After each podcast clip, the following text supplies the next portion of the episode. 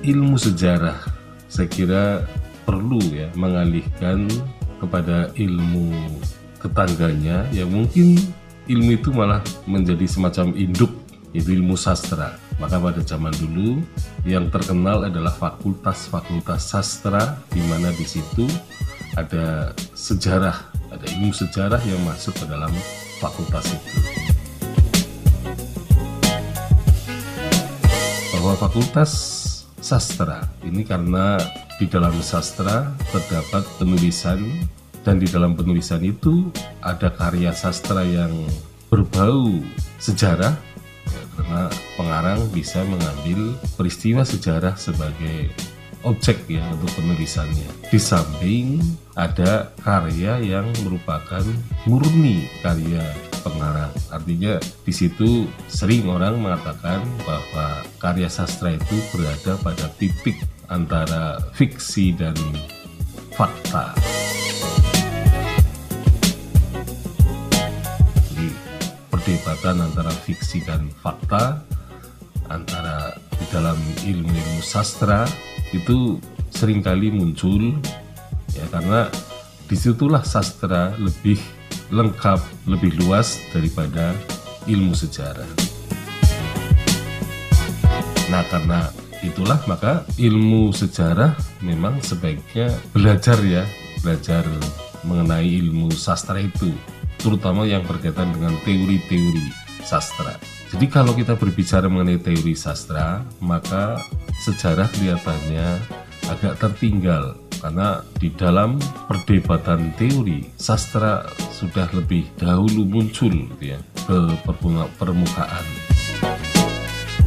Bisa dibayangkan bahwa teori sastra itu mewadahi gitu ya, mewadahi paling tidak empat hal yang sangat penting yaitu teori-teori yang disebut teori ekspresif, kemudian mimetik, teori-teori pragmatik, dan teori yang objektif.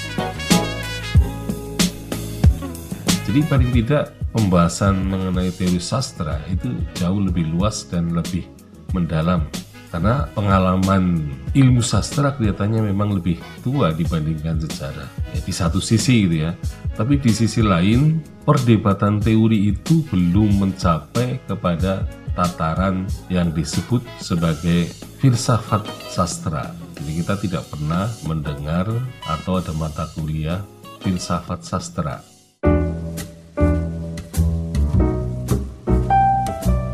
Nah sebenarnya kalau ingin ditingkatkan ya teori-teori sastra itu bisa ya menuju ke arah filsafat sastra karena memang teori-teori itu juga dibahas secara mendalam. Nah, kemudian teori-teori yang sangat intens itu bisa sebenarnya masuk ke dalam filsafat sastra. Jadi, kelebihan sejarah ada filsafat sejarah, tetapi di dalam ilmu sastra tidak ada filsafat sastra. Kalau dilihat dari segi teori, ilmu sastra lebih dalam daripada ilmu sejarah. Jadi di satu sisi memang ada kelebihan dan kelemahannya.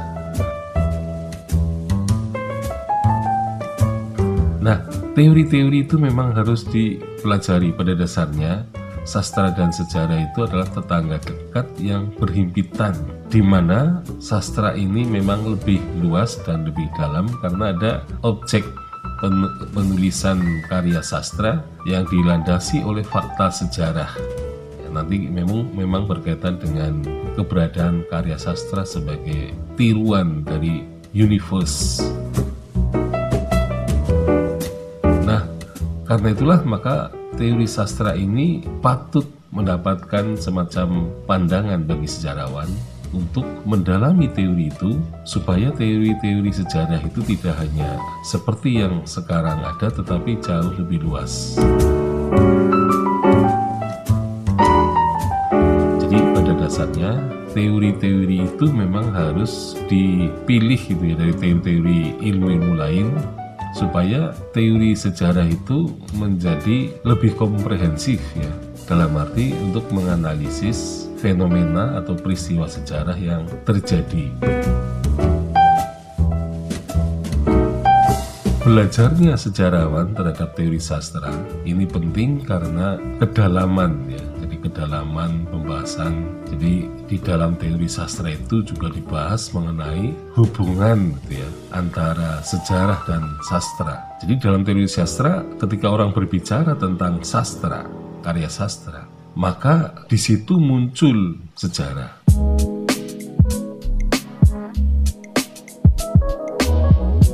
Memang orang sastra sendiri juga membandingkan antara keduanya. Artinya karya sastra dan karya sejarah itu historiografi ya memang benar-benar terkait gitu.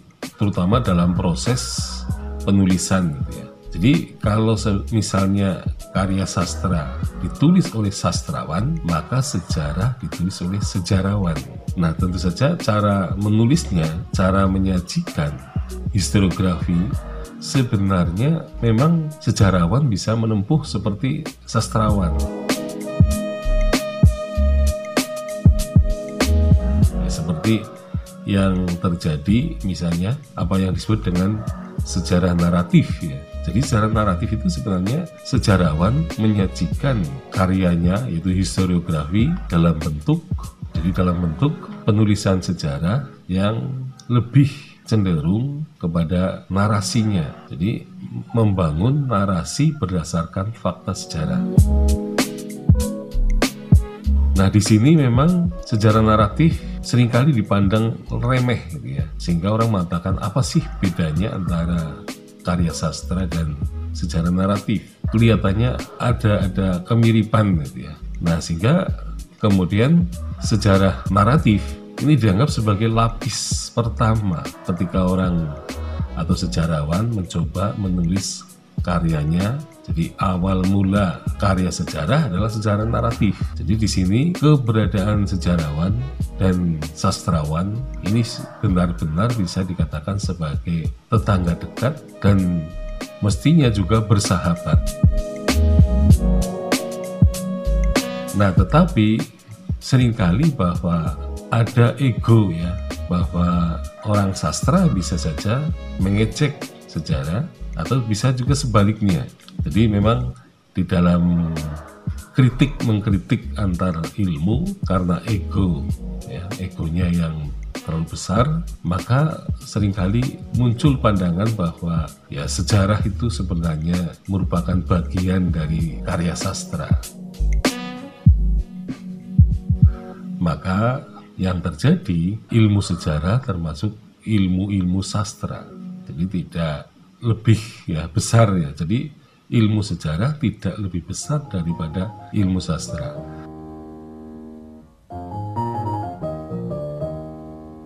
Tetapi kemudian pada zaman dekade 2000-an misalnya, orang kemudian tidak lagi menggunakan fakultas sastra ya. Kebanyakan mereka beralih ke nama fakultas yang baru yaitu Fakultas Ilmu-Ilmu Humaniora. Nah, jadi ini trennya hampir semua fakultas sastra di Indonesia telah berubah menjadi Fakultas Ilmu-Ilmu Humaniora dan Budaya atau Fakultas Ilmu-Ilmu Budaya itu ya. FIB itu yang paling apa ya muncul sekarang menggantikan nama Fakultas Sastra.